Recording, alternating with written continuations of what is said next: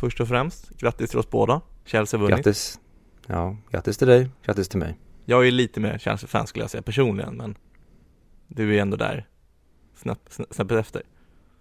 Mm. Alltså du har ju ändå tatuerat in John Terry över hela din ryggtavla. Jag har ju bara eh, tittat på någon match. Jag är så pass stort fan så jag tittar inte på matcher om inte John Terry där spelar. Så alltså, du kollar bara på Aston Villas matcher? Alltså när han spelar i Chelsea. Så när Aston Villa möter Chelsea, då tittar jag. För då spelar han och Chelsea spelar. Eller han spelar inte Aston Villa, han är assisterande tränare där.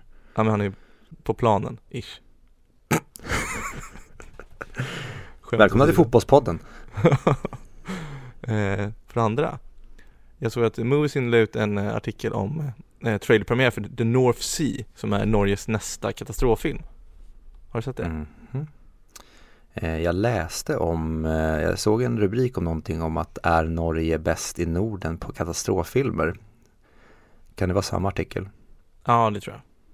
Ja, för det som jag reagerade på då var att om man är bäst i Norden på katastroffilmer, det finns ju ingen konkurrens.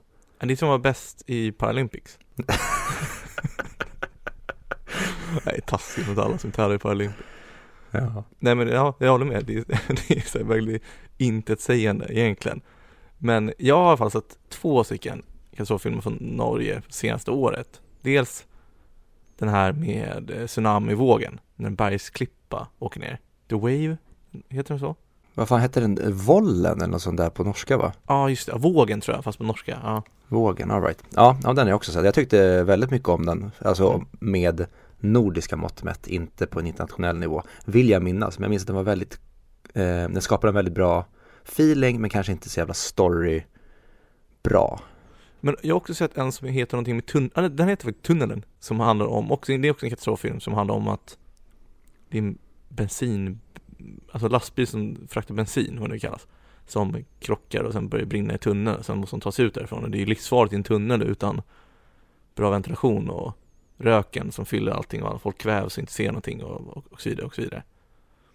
Eh, och jag, jag tror någonting som gör att Nordic katastroffilmer är så bra, alltså för oss tror jag måste vara anledningen att det, det känns så nära inpå då det känns så äkta. Alltså det känns nä nästan dokumentäraktigt, både vågen och, och den här. Eh, för de har, de har inte den här Hollywood-glamouren och coola helikopterdrönarbilderna på samma sätt. Tror du det ligger någonting i det? Mm, jag vet faktiskt inte, mycket möjligt. Eh, ja, alltså jag vet inte, det är också ett ämne jag skulle vilja prata om någon gång, just det här med inflationen i helikopterbilder eller helikopterbilderna som inte finns längre. Utan idag är det som du säger drönarbilder. Förut var det ju helikopterbilder. Men just idag att jag bryr mig inte så mycket om coola drönarshots idag. För jag vet att det inte är gjort med samma svårighet som back in the day när man behövde faktiskt flyga med en helikopter och filma skiten. Men det kan vi ta en mm. annan gång. Men eh, jo men jag tror definitivt att det ligger någonting i det du säger. Ja, för, för det, det, är inga så här, det, det är inga 10 av 10 filmer. Men de är ändå underhållande och det känns verkligen som att Som att det händer våra grannar, vilket det bokstavligen gör Alltså de utspelar sig i Norge Har vi någon svensk katastroffilm? Det enda jag kan komma på är ju Den blomstertid nu kommer Jag tänkte på den också Den tycker jag, Det var lite eftersom jag har sett dem på YouTube och jag tycker det är coolt att ett YouTube-kollektiv går att göra en långfilm mm. Eh, så det boostar ju upp mitt betyg till den, men den tycker jag var bra mm, Jag vill minnas samma sak där, häftiga effekter Skapar en cool atmosfär men storyn är väldigt tunn och lite, den, jag har för mig att den spårar väldigt mycket på slutet. Ja, men jag tror det är så när man skiljer mellan proffsen i filmskapandet, mellan de här eh, mer nybörjarna, eller vad man ska kalla dem. Att det, det är väl storyn, det är väl djupet i den som försvinner. Det, alltså den pricken över i som inte kommer med hela vägen. För jag kommer ihåg att de, de pratar om att de har suttit så här, jag vet inte hur många veckor, i en biograf med ett norskt eh, audioteam för att fixa alla ljuden. Och det märkte jag verkligen när, när jag såg den på bio. Det var bra ljudeffekter. Mm, ja, det tycker jag är en grej som, alltså, jag vet inte om det är någonting som filmer kan missa, men det är ju verkligen en grej som det aldrig snackas om. Det är just ljudläggningen av filmer. För om du inte får till ljudbilden, det kan vara lika dåligt som att du inte får till specialeffekterna eller ett bra foto.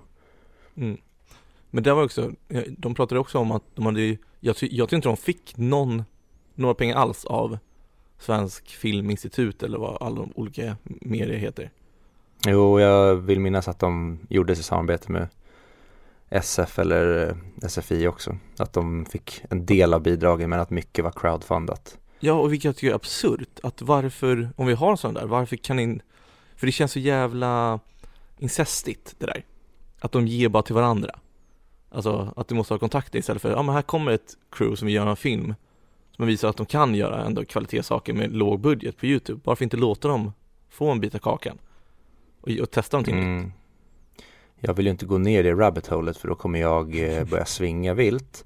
Men om jag ska vara väldigt bara lös i det hela varför det är så, då är det ett nepotism inom svenska Mm. filmbranschen. Två, vi har en väldigt, eh, vad ska man säga, politisk eh, hon vd eller alltså styrelsen inom Svenska Filminstitutet är väldigt politisk och har uttalat sagt att vi ska göra viktiga filmer och vi ska framhäva en viss typ av filmskapare.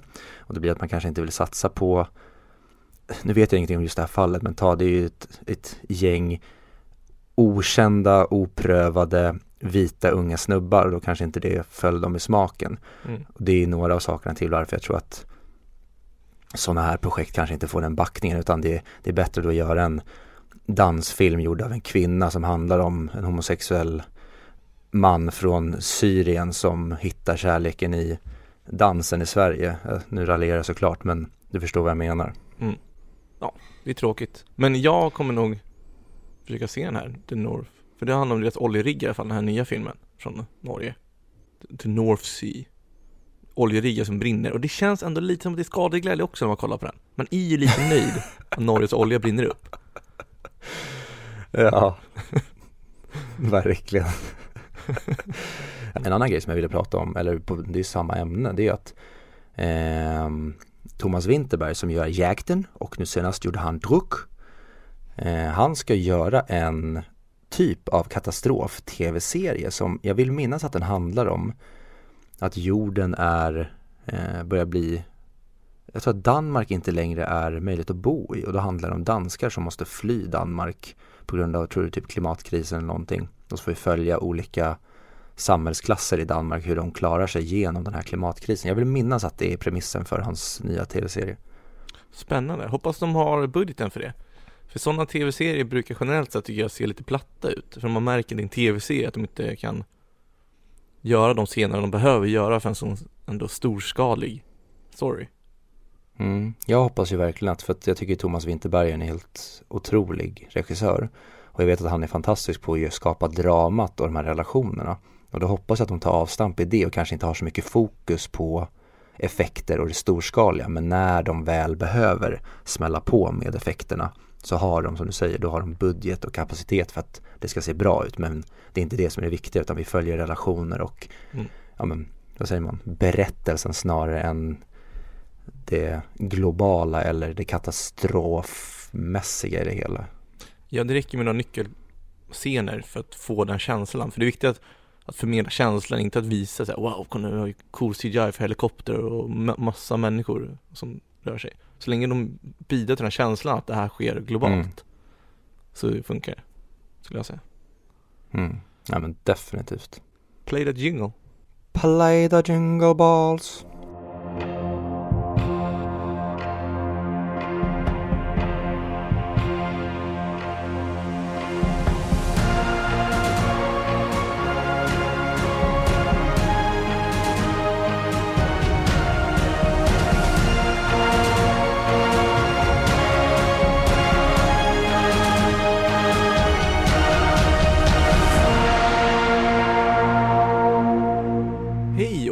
Återigen välkomna till 100 Mic Podcast. Det vill säga podden som pratar upp IMDBs topp 100-lista men inte Charlie Chaplin. Verkligen inte Charlie Chaplin.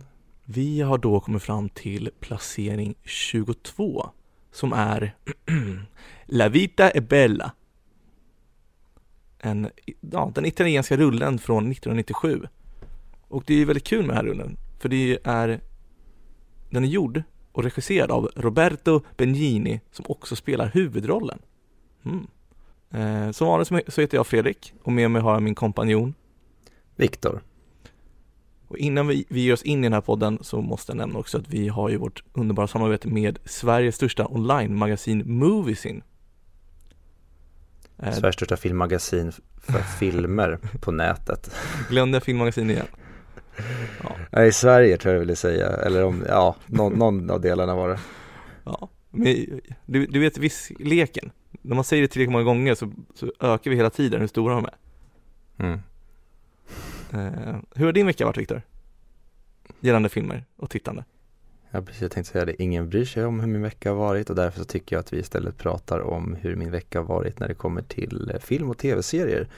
Och eh, då har jag sett, som jag tror väldigt många andra, ehm, den eh, för vissa och lite grann för mig efterlängtade Friends the Reunion.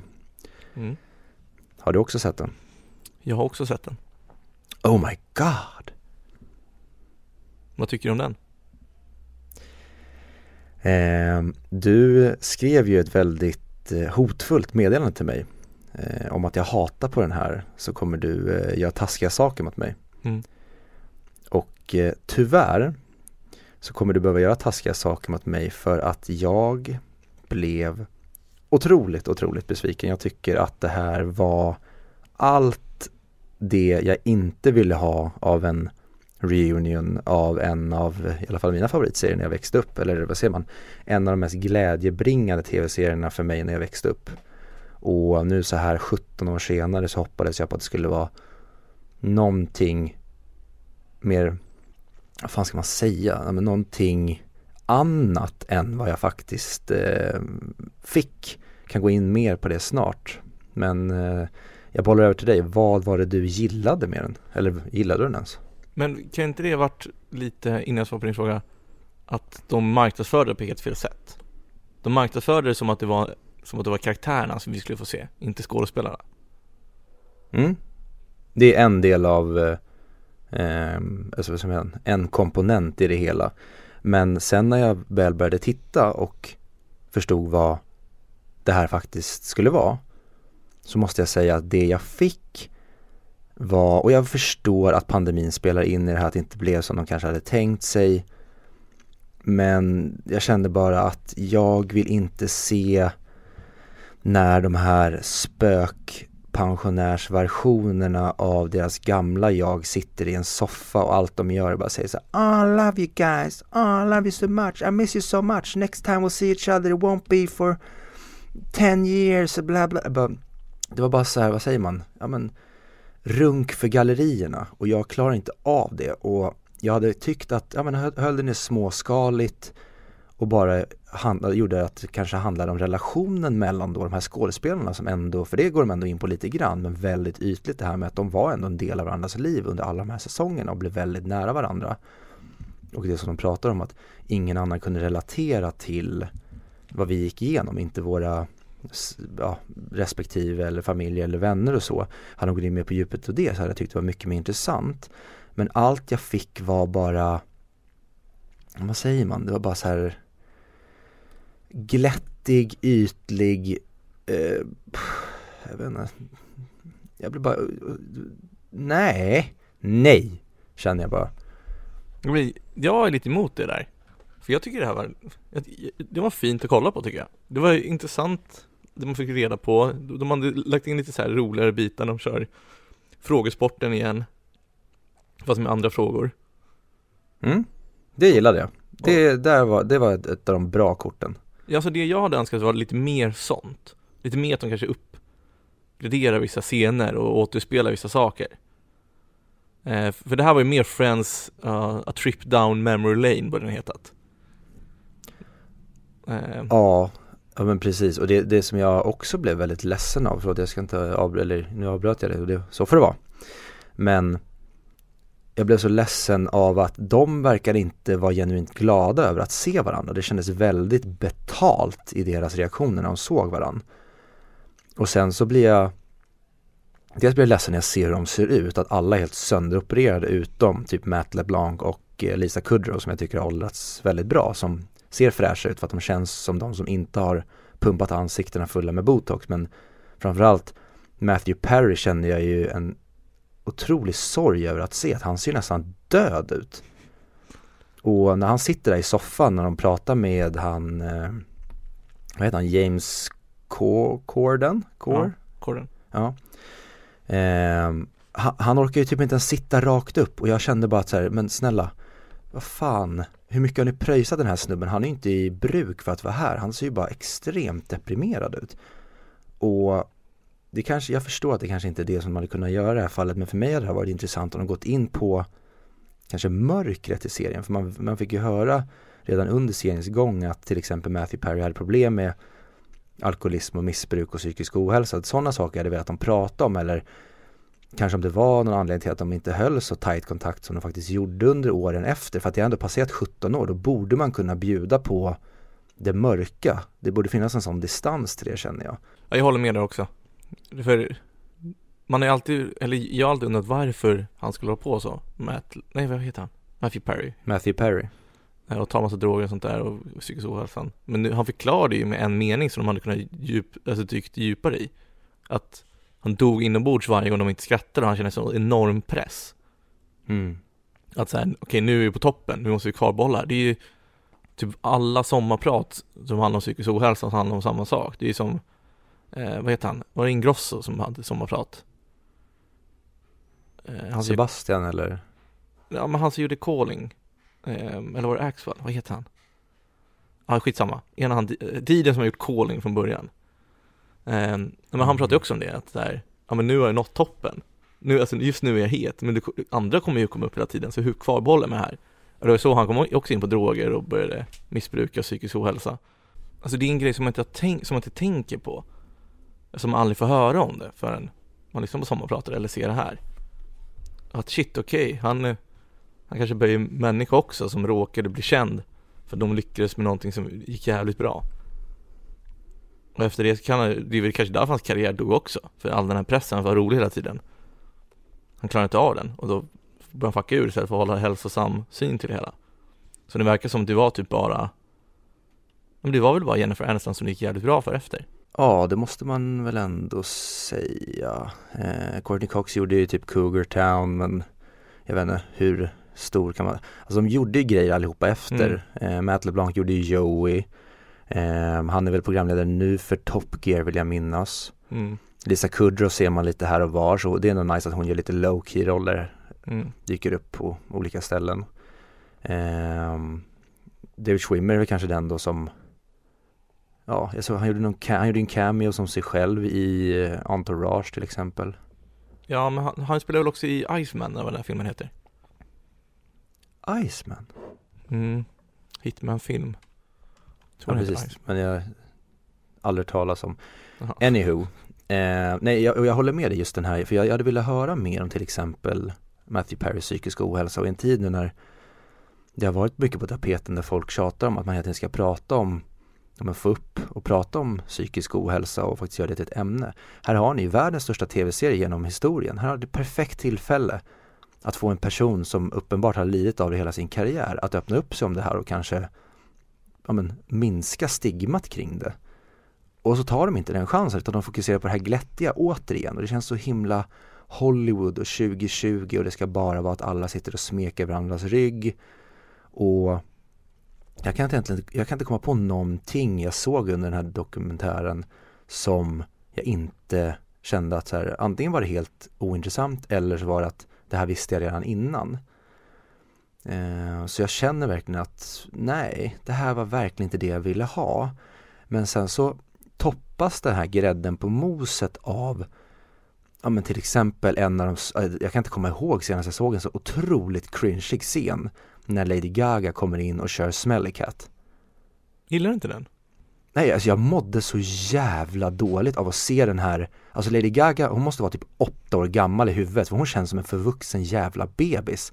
Hon kommer in och sitter och bara trycker på utav bara helvete, till och med Lisa Kudrow blir ju helt obekväm märker man. Och sen så måste hon slänga in efter att Ah, you were so important to me, was so good, ah. Jag bara kände att, vänta, är, är målgruppen vi riktar in oss på nu, är det fyraåriga, eh, alltså förståndshandikappade alltså, vad, vad är det här?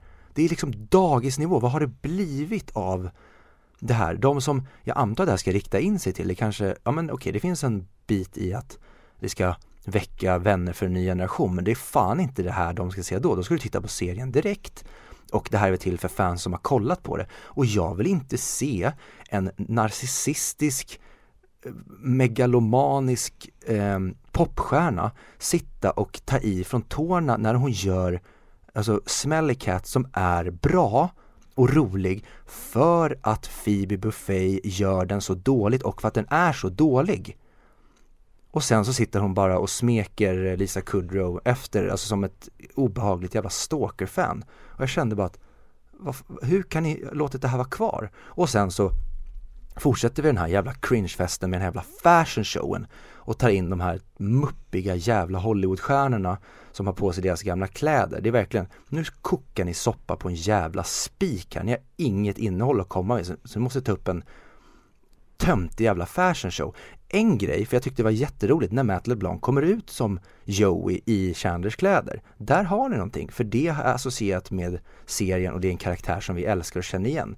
Jag vill inte se Justin Bieber inte ens kunna bjuda ordentligt på sig utan han ska fortfarande hålla upp sin muppiga jävla fasad när han går klädd som den här jävla spudniken. Och sånt bara, jag kräks på det. Tyckte Becka samma sak? Hon var mycket mer förlåtande men hon var också väldigt mycket svagare för de mer blödiga delarna, nostalgiska grejerna. Och jag gillade mm. verkligen för jag, jag gillar att se dem tillsammans.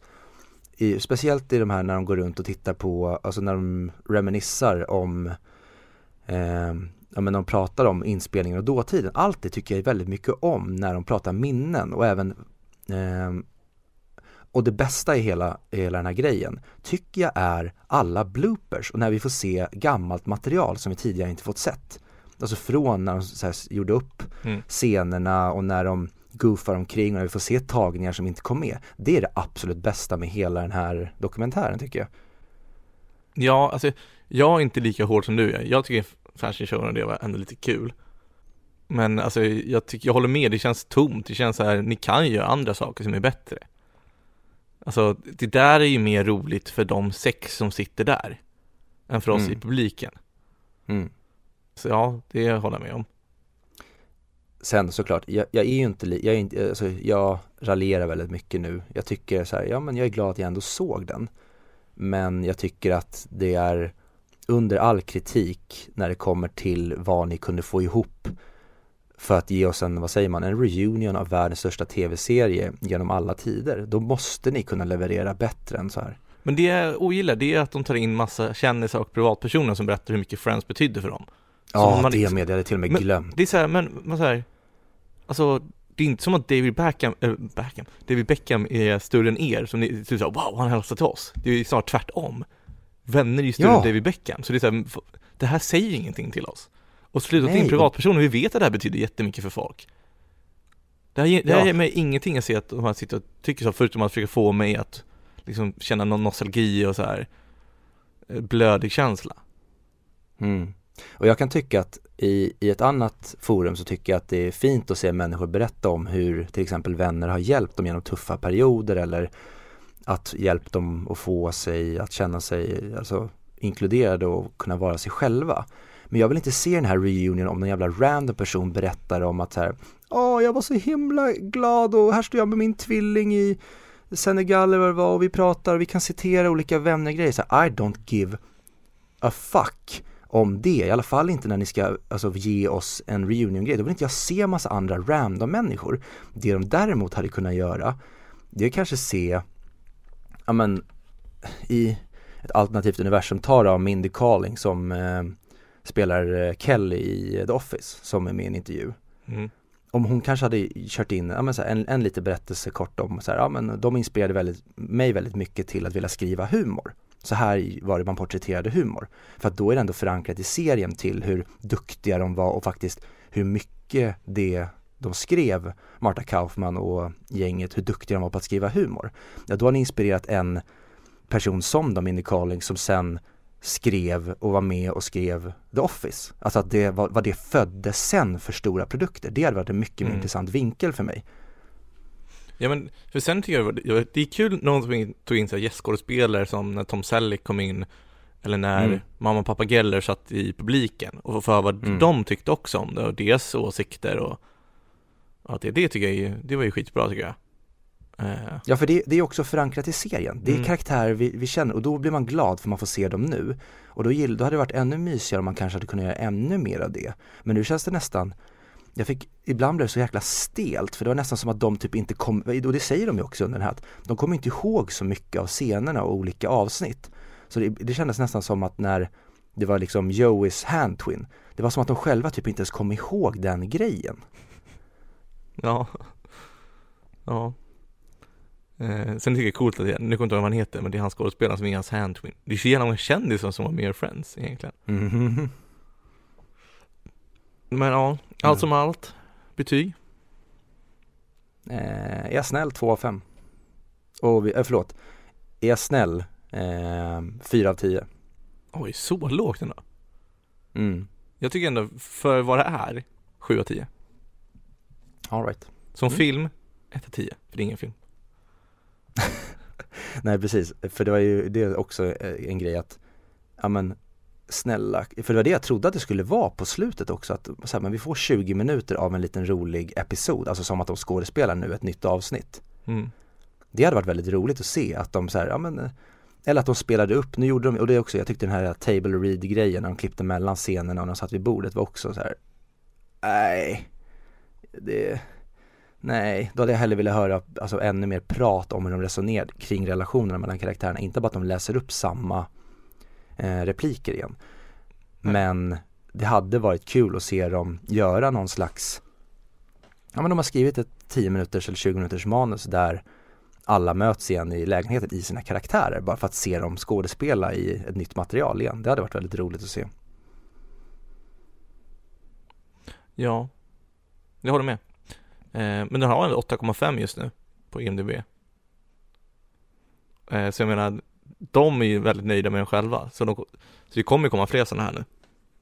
Ja, och jag tror den här, så här prediction att bli typ det mest streamade under hela 2021 så den kommer ju dra in kosan men eh, synd att det som inte, eller det vi får, att det inte kunde vara riktigt schysst eh, substans också, någonting som man faktiskt på riktigt hade velat gå tillbaka och kolla på lite senare igen utan jag kommer ju aldrig, mer- jag kommer aldrig se den här igen utan vill jag se vänner Ja men då går jag och kollar på vänner eller så ser jag andra intervjuer med dem.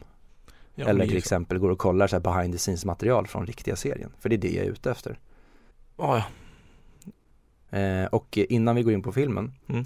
Så skulle jag bara vilja skicka ut en varning till er alla. Att ehm, Jag såg trailern för filmen I care a lot med Rosamund Pike, alltså som spelar Amy Dunn i Gone Girl och jag tänkte att wow vad kul, det här ser lite Gone Girl-eskt ut och det kan bli roligt att se när hon spelar psykopat igen och då ska svindla och sabba livet för människor och tjäna pengar på äldre människors, eh, vad ska man säga, eh, ja, men omyndigförklarande. Så jag var svintaggad på att se filmen I care a lot och för alla er som inte vill slösa bort två timmar av ert liv ska jag säga att se inte den, det är bland det sämsta jag sett på flera år. Men vill ni se någonting som är jättedåligt som ni kan garva åt och om ni tycker om att se bedrövlig film, se den. Men det är en jätte, jätte, jättedålig film. Om ni ser någon mer mediokert så kan jag tipsa om eh, Army of the Dead av Zack Snyder Mm, vad tyckte du om den? Eller vad, berätta lite. eh, Jag tycker att premissen och introt är asbra Det var, det var typ så här: wow, den här filmen vill jag se Men sen dör den ut lite Tyvärr men är den cool? För det tycker jag är Zack Snyders absolut största styrka. Det är ju att han är jävligt, han han är coola CGI-spektakel. Jag tycker att, jag tycker inte det var så cool. Jag tycker bara att de byggde upp det som att det skulle vara jävligt ball. Och jag gillade storyn och allting i början. Så här, hur, hur det är, alltså eh, Ja, jag vill inte spoila för mycket. Men ja, de hade kunnat byggt upp det mycket bättre. Men jag tycker öppningsscenen och introt, det är jävligt coolt. Men sen så, ja, är det tyvärr väldigt tom substans enligt mig Mm. därefter Ja. Tråkigt. 6 av 10 Kul. Och jag ger eh, I care a lot eh, 3 av 10. Ja, vänner är alltså ännu mer ändå Ja, okej, jag är på krigsstigen idag känner jag. Men eh, I Care A Lot har väldigt bra musik och det räddar väldigt mycket. Men på tal om bra musik. Italien är kända för deras musik. I alla fall förr i tiden. De var mer kända för i, i Mussolini. Men åh, nu missar du ju världens opening. De vann ju för fan eh, Eurovision ju. Ja, just det. Och därför så ska vi prata om Livet Hitler. underbart. och Hitler. Vad fan. Vi syns snart. Ja, förmodligen.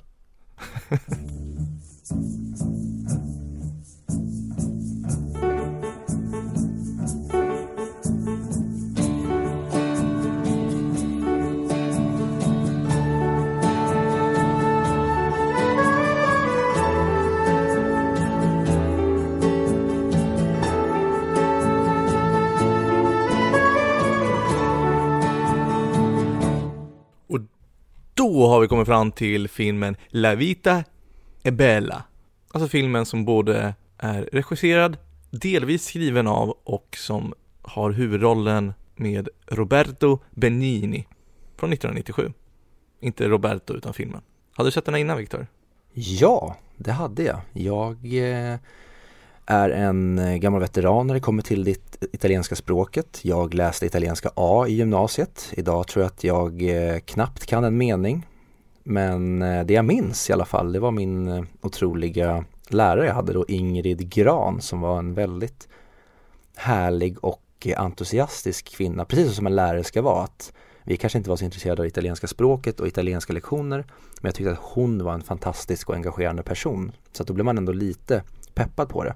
Och hon visade den här filmen för oss på italienska lektionen och eh, blåste oss alla av våra stolar. Hade du sett den förut? Nej, det hade jag inte. Men eh, jag kan, det kan vara värt att nämna att jag tror det här var- oh, jag kommer inte ihåg om det är fortfarande, men det här var typ en av tre där eh, personen som vinner bästa manliga skådespelare eh, också är regisserad av sig själv. Jag tror det är också Orson Welles som har vunnit den, så var det någon, två till. Eh, men för- det är värt att nämna, den här vann ju tre stycken Oscars. Best Actor, Best Music och Best Foreign Language Film. Och det är kul, för han vann ju bästa manliga skådespelare över bland annat Edward Norton i American History X och andra. Så jag menar, det, det, var ju, det var ju hög konkurrens ändå på den. Så jag vet inte Ja. om, om jag håller med exakt om att han var bättre än Edward Norton i American History X. För det vet fan. Men eh, han verkar så jävla underbar, för jag kollade på klippen när han vann. När han vann bästa filmen och han vann bästa skådespelare. Otroligt härlig människa. Han är ju nästan som i filmen. Vad heter han? Uttalas det Robert Benigni? Nej, Roberto. Kulturell appropriering där, jag tog Roberto och gjorde det till ett svenskt. Robert Benini? Ja. Ehm, nej men alltså, verkar vara en så superhärlig person och ehm, ja, alltså hans porträttering av en pappa i den här filmen är fantastisk. Även om, säger redan nu, jag, eh, ja, jag garvade ju väldigt mycket åt att han vann en Oscar framför Edward Norton för jag tycker inte att de ens spelar i samma liga. Men jag vet inte riktigt heller vad, för det känns mer som att han spelar sig själv i den här filmen. Eh, I och med också Mm. att, att, att eh, Dora är hans fru i in real life. Nej, ehm, Ehm, vad kan man börja egentligen att prata om den här? Jag, det jag hade förväntat mig, det var jag, jag minns det mycket mer som att den mycket tidigare börjar med eh, när de har barn. Men det var inte förrän efter halva filmen som eh, sonen kommer in. Och eh, jag kan tycka eh, direkt att de kunde gjort första halvan, ja men kapat den med hälften minst, för jag tycker den var väldigt långdragen. Men det är också för att jag hade förväntningarna av att vi skulle få se pappa-son-relationen och koncentrationslägret mycket tidigare i filmen så jag satt ju nästan och väntade på det. Men jag tycker att de kunde gjort, de har klippt bort väldigt mycket av hans slapstick, slapstick-humor som jag tycker väldigt mycket om i väldigt många delar av filmen men den blir lite repetitiv och uttjatad och till slut så köper jag inte att den här filmen är på riktigt för att den känns alldeles för förhöjd verklighet på hur saker sker. Men det är kanske jag som är på, som jag sa tidigare, jag är på krigsstigen idag kanske. Men det här är ett typexempel, för vi har pratat om Parasite innan, om hur det är två filmer, eller fler filmer i en. Mm. Olika genrer. Det här är också det, fast det, jag tycker inte det funkar här. Jag vill inte ha en humor och sen en drama, eller blandningen. Jag, jag vet inte, det går inte hand i hand. Det är som att blanda två smaker som inte alls hör ihop.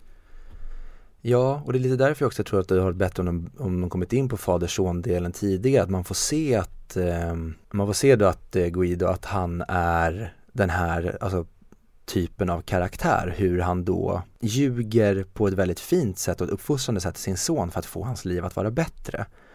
Men jag tycker att första halvan, det vittnar ju om en bedragare och en människa som är villig att kliva över andra människor för att få sina saker igenom.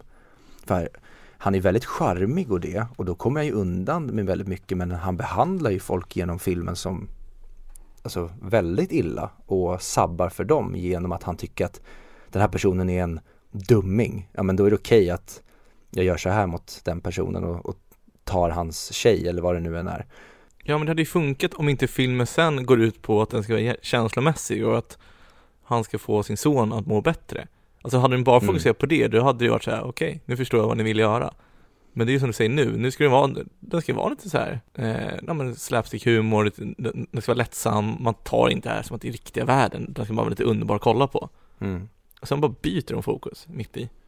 För, för det, det tänkte jag hela tiden så här, hur fan kan här ligga högre upp än pianist? Jag förstår inte. Ja men om, om vi vill förmedla samma grej om att det var hemskt med fånglägren och liknande, varför ska se den här istället för The Pianist? Mm. Nej och det, det, finns ju det i det här att, ja men som den heter, den, den heter ju alltså Livet är vackert. Mm. Och jag förstår ju den grejen. Men för mig hade det varit mycket bättre med en porträttering som kanske, ja men du startar med den humorn som du faktiskt gjorde. Och att han, väl, han, han vad säger man, han, han dansar ju genom livet. Han ser möjligheter istället för hinder. Han är villig att, ja men vill han ha den här kvinnan, ja men då går han igenom varenda grej och hittar på fyndiga och väldigt roliga lösningar. Och sen så får de ett barn eh, nazisterna tar över, de hamnar i koncentrationsläger och sen så skulle jag vilja se hur den här mannen bryts ner och inte ens humorn och den här positiva synen på livet kan överkomma mörkret inom koncentrationsläget. Och så att han, när han väl dör, då dör han för att energin är kramad ur honom. Inte ens då kan han hålla fasaden uppe för sin son. Alltså jag hade verkligen velat bli vält på det sättet, att du börjar i så fall på en väldigt komisk plats och sen slutar vi i totalt jävla mörker hur den här, ja men den mest entusiastiska och positiva människan i hela världen, inte ens han kunde stå emot eh, nedbrytningen av de här arbetslägren. Men det är inte det vi ser, utan han springer runt och, och, det tycker jag är så jävla dåligt gjort hur han är så osmidig och bara rantar runt och springer fritt runt på det här koncentrationslägret. Det känns som att ingen ser någonting. Vakterna är de sämsta i världshistorien. Ingen ser att det springer runt en judefånge och bara gör i princip vad han vill. Nej, alltså det är då man tappar det här känslomässiga för man tänker inte att det är på riktigt. Mm. Det är det som inte går ihop här. Jag gillar inte heller scenen när han bär på de här tunga smedjärnen, är det så det heter?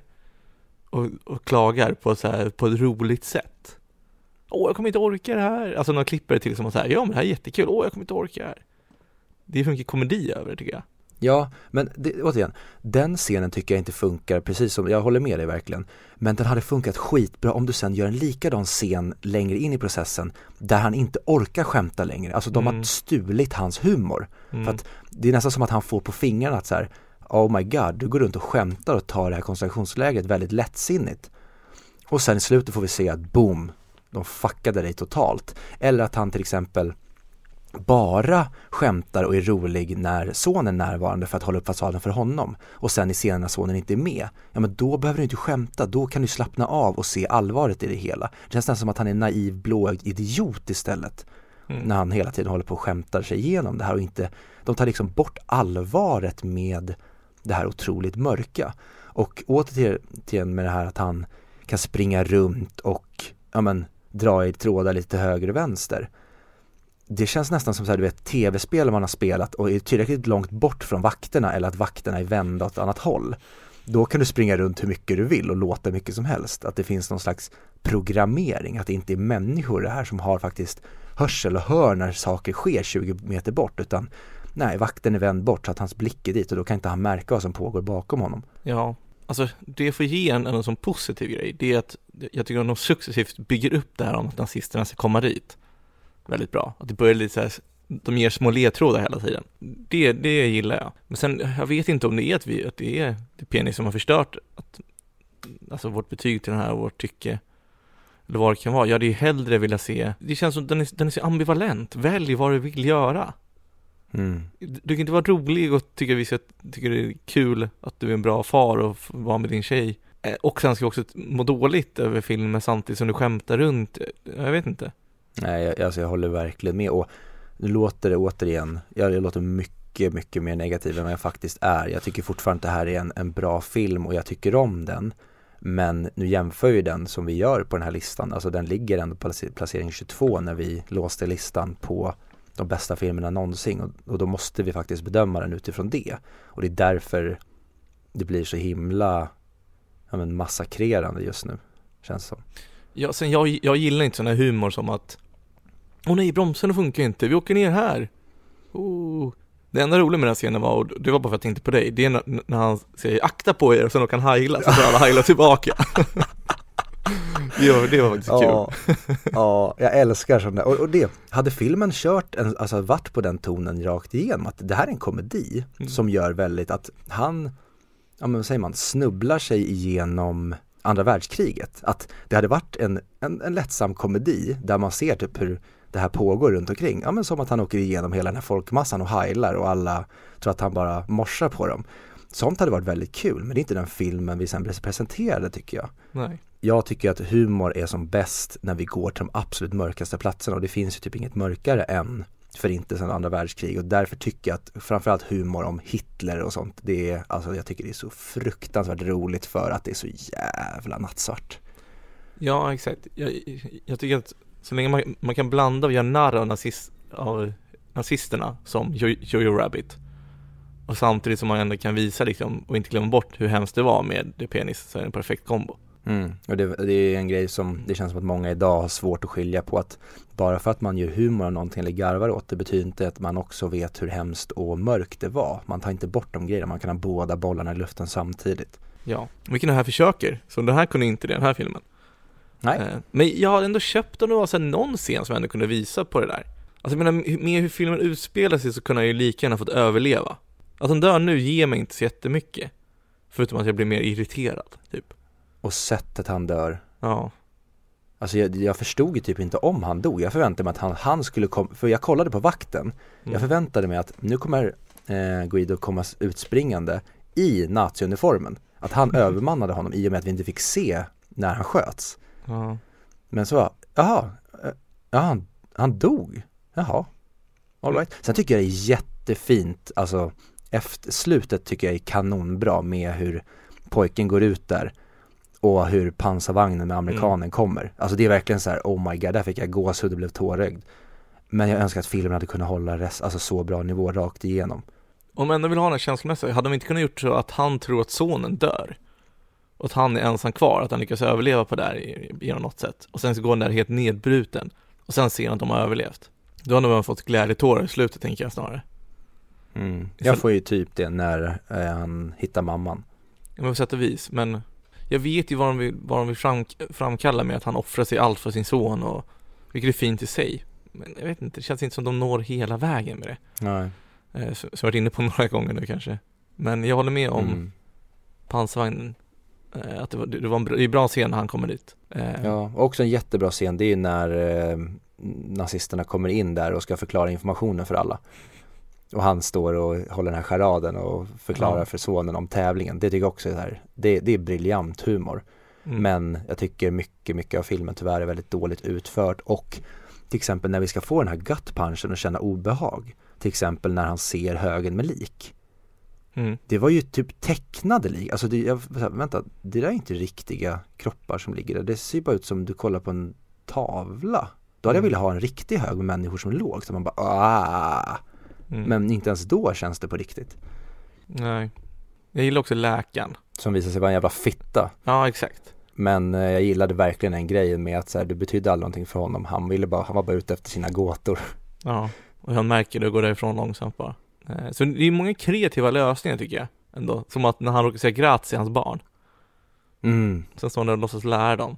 Ja, verkligen. Nej, och det, det tycker jag, den har jättemånga bra idéer. Jag tycker bara utförandet. Alltså egentligen, hade de tryckt ihop filmen och inte Mm. gjort den så himla flamboyant när det kommer till humorn och utdragen, alltså tryckt ner humorn och gjort den lite mer grounded och kanske tryckt ner den lite mer åt det deppiga hållet, då tror jag att hittar en jättebra balans i det här. För jag tycker just att den, är, den har för mycket, alltså den tippar över för mycket åt det komiska och overkliga i att det är för mycket humor och tar bort det mörka och deppiga. Jag hade velat ha att den går mer åt det mörka med inslag av humor. Att det är liksom humorn som får honom att klara sig igenom det här mörka. Men nu blir det som att det är bara massa humor och sen så är de bara på en tråkig plats. Ja, men ah, två timmar är för långt för den här filmen. En, en och tjugo. Mm. Ja men klipp bort eh, minst halva av eh, första halvan. Mm. Visst påminner musiken om Cinema Paradiso-musiken? Mm, det tycker jag. Som också var jättebra. Jag satt och funderade där, vilken jag helst ville se. Och jag tror jag njöt mer av Cinema Paradiso. Definitivt. Och jag tycker många filmer, typ Cinema Paradiso, de har vuxit på mig genom, alltså efter vi har sett klart dem. Mm. Men återigen, vi bedömer ju filmer utifrån den här titeln. Sen om de växer på en efter, det, ja då får man ta ett varv till och prata om dem igen. Men till exempel Cinema Paradiso-musiken, den eh, musikslingan tycker jag är helt fantastisk nu när jag lyssnar på den efter att jag har sett filmen. Ja, och den var, den var så känslomässig och deppig på ett odeppigt sätt på ett sätt. Och det var en märklig mening. Men när man får den där punchen i magen i slutet när han spelar upp scenerna med alla bortklippta. Eller Mm. när han spelar upp den här filmen med alla bortklippta scener. Och han bara gråter och det så här, egentligen betyder det ingenting. Eller egentligen är det ingenting, men det betyder allting. Mm. Men i den här så får, alltså ja, jag vet inte, jag tycker inte det blir lika starkt när pansarvagnen kommer. Det kanske är för att jag tröttnat på filmen lite när den väl kommer. Jag sitter där och känner så här, jag vill gå vidare.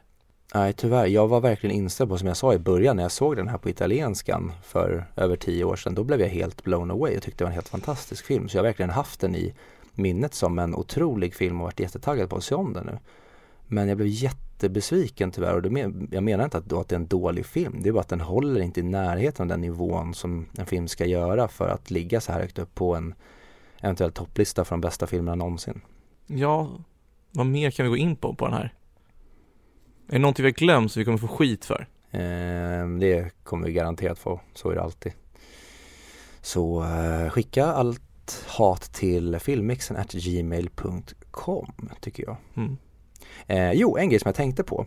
Jag hade gärna kunnat se en, tint, en otecknad Tintin-film i den här tonen. För jag tycker den känns väldigt Tintin-esk.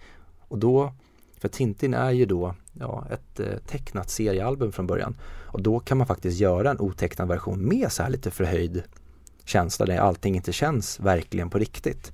Så det var en grej jag fick känslan av i början och bara oh, det hade varit kul att se en. Men då också hade den behövt vara inspelad med så här gritty och skitigt foto. För jag tycker fotot och känslan i filmen är amazing. Allting känns verkligen på riktigt och jag älskar de italienska miljöerna. Ja, det håller jag med om. Det är väldigt fint. Vad tycker du om eh, sonen? Ja, nja. Han är som ett barn, inget märkvärdigt. Ingen Natalie Portman liksom. Nej men jag tycker de har fått till, han är ju jättegullig. Så att man bryr sig ändå väldigt mycket av honom. Sen kanske jag tycker att ibland är han ju inte, han håller kanske inte så bra i vissa skådespelaraspekter om man ska säga. Men eh, jag tycker han är jättegullig har så jäkla gullig röst och är väldigt söt. Jag tycker han bara känns jobbig när han klagar hela tiden. Ibland känner jag så här, men gå ut, gå in i duschen då. alltså, förstår du vad jag menar? Jag, jag störde mig mer på honom. Jävla syltmacka, ja men fan de håller på att utrota oss judar. Förutom, alltså, ja. Men han vet ju inte det. Nej jag vet, men jag vet inte, jag störde mig på det.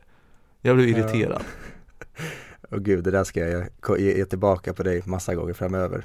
När du sa att, att du ville att barnet i La Vita e Bella skulle gå in och bli ihjälgasad. Ja men det var jag fick de impulserna men sen sa jag aldrig högt. Jag ska skriva det sen i eh, beskrivningen av avsnittet. Fredrik vill att barnet i filmen ska gasas ihjäl. Ja, men var han inte jobbig eller? Jo, lite. Ja. Ja. Nej men eh, betyg då? ja. Jag tror jag slutar på en 7 av 10. Jag tycker inte det är med på listan. Eller, jag, jag tycker inte jag förtjänar att vara med på listan.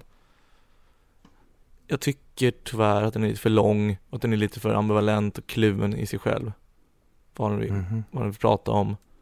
Det finns bättre, alltså vill jag se en, en, en komedi så finns det bättre, vill jag se en eh, drama så finns det bättre. Så jag förstår inte varför den här ska vara så högt uppe. Du då Viktor? Nej, jag håller med om precis det du säger. Tråkigt nog så sätter jag också en 7 av 10 på den. Eh, jag hade en eh, 9 av 10 på den innan såg jag på mitt IMD-betyg men eh, nej. Den, den är väldigt fin och så och jag gillar vad den gör och den berättar någonting viktigt och eh, så men eh, nej tyvärr utförandet är för dåligt men ändå 7 av 10 är ett väldigt bra betyg så jag tycker ändå vi är schyssta mot det men jag tycker inte den är hemma på topp 100 och inte 250 heller. Tyvärr. Jag kommer nog inte se om den heller, så det här är, jag vet inte. Det är, ing- det är ingen sån här film som man kan säga, ja men jag kommer ge en chans till, så får vi se när vi vet om den. Nej, det är som du säger, då ser jag mycket hellre The Pianist eller till exempel eh, Cinema Paradiso. Ja, eller om man vill skratta så kan jag säga Jo- Jojo Rabbit, Ja men precis. egentligen. Och snart får vi också Schindler's, Schindler's list som ändå är åt samma håll.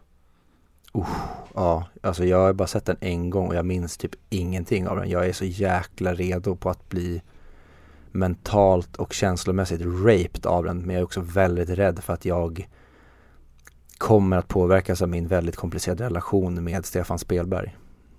Ja, jag tror att jag kommer älska med den. Älska med den. Freudian slip. Mm. Ja men fan ska vi, ska vi nämna vilken nästa film är? Nästa veckans film? Jajamän, det ska vi göra. Och nästa vecka, då ska vi prata om City of God, eller som den heter, Cidade de Deus. Som jag antar är så det låter på portugisiska, för det är ju en eh, brasiliansk film, vill jag minnas, om livet på favelan. Ja. Och eh, för er som vill se den så finns inte den tillgänglig på någon streamingtjänst. Så eh, jag uppmanar er alla till att gå till en lokala videobutik eller lokala vik och hyra den för den summan som går att, ja, ni förstår vad jag menar. Jag uppmanar er absolut inte till att göra någonting annat än att faktiskt gå till en videobutik att, och att hyra den så. För, för övrigt, vi glömmer bort det, vad är det Miramax som gör Life is beautiful?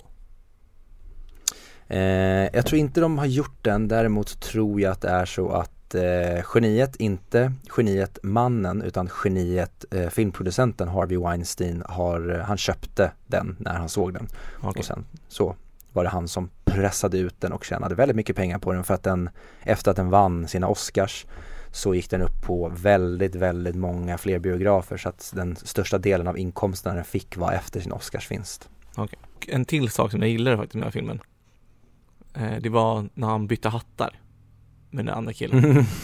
Och, att- ja det var ett kul gag. och det var så här att han bara kom tillbaka och tar den. Istället för att liksom vara arg och börja slå honom eller jaga honom på något sätt. Utan han bara, åh, Mm. och hur han kunde predikta Ja, sånt där och genom att se det. De, de tycker Mm. jag, men sånt där funkar det men, ja. men som vanligt Följ oss på våra sociala mediekanaler där vi heter 100mic eller 100mic podcast Ni kan också mejla oss på 100micpodcast.gmail.com och på er lokala poddspelare så får ni gärna gå in och lägga en liten review och ett betyg så är vi oerhört tacksamma. Med det sagt ska vi, syns vi i Guds stad. Vi eh, gör det för eh, nästa vecka då ska vi få se eh, barn vara väldigt, väldigt obarniga mot varandra i den tuffa, tuffa verkligheten i Brasil. Hej. Hej hej!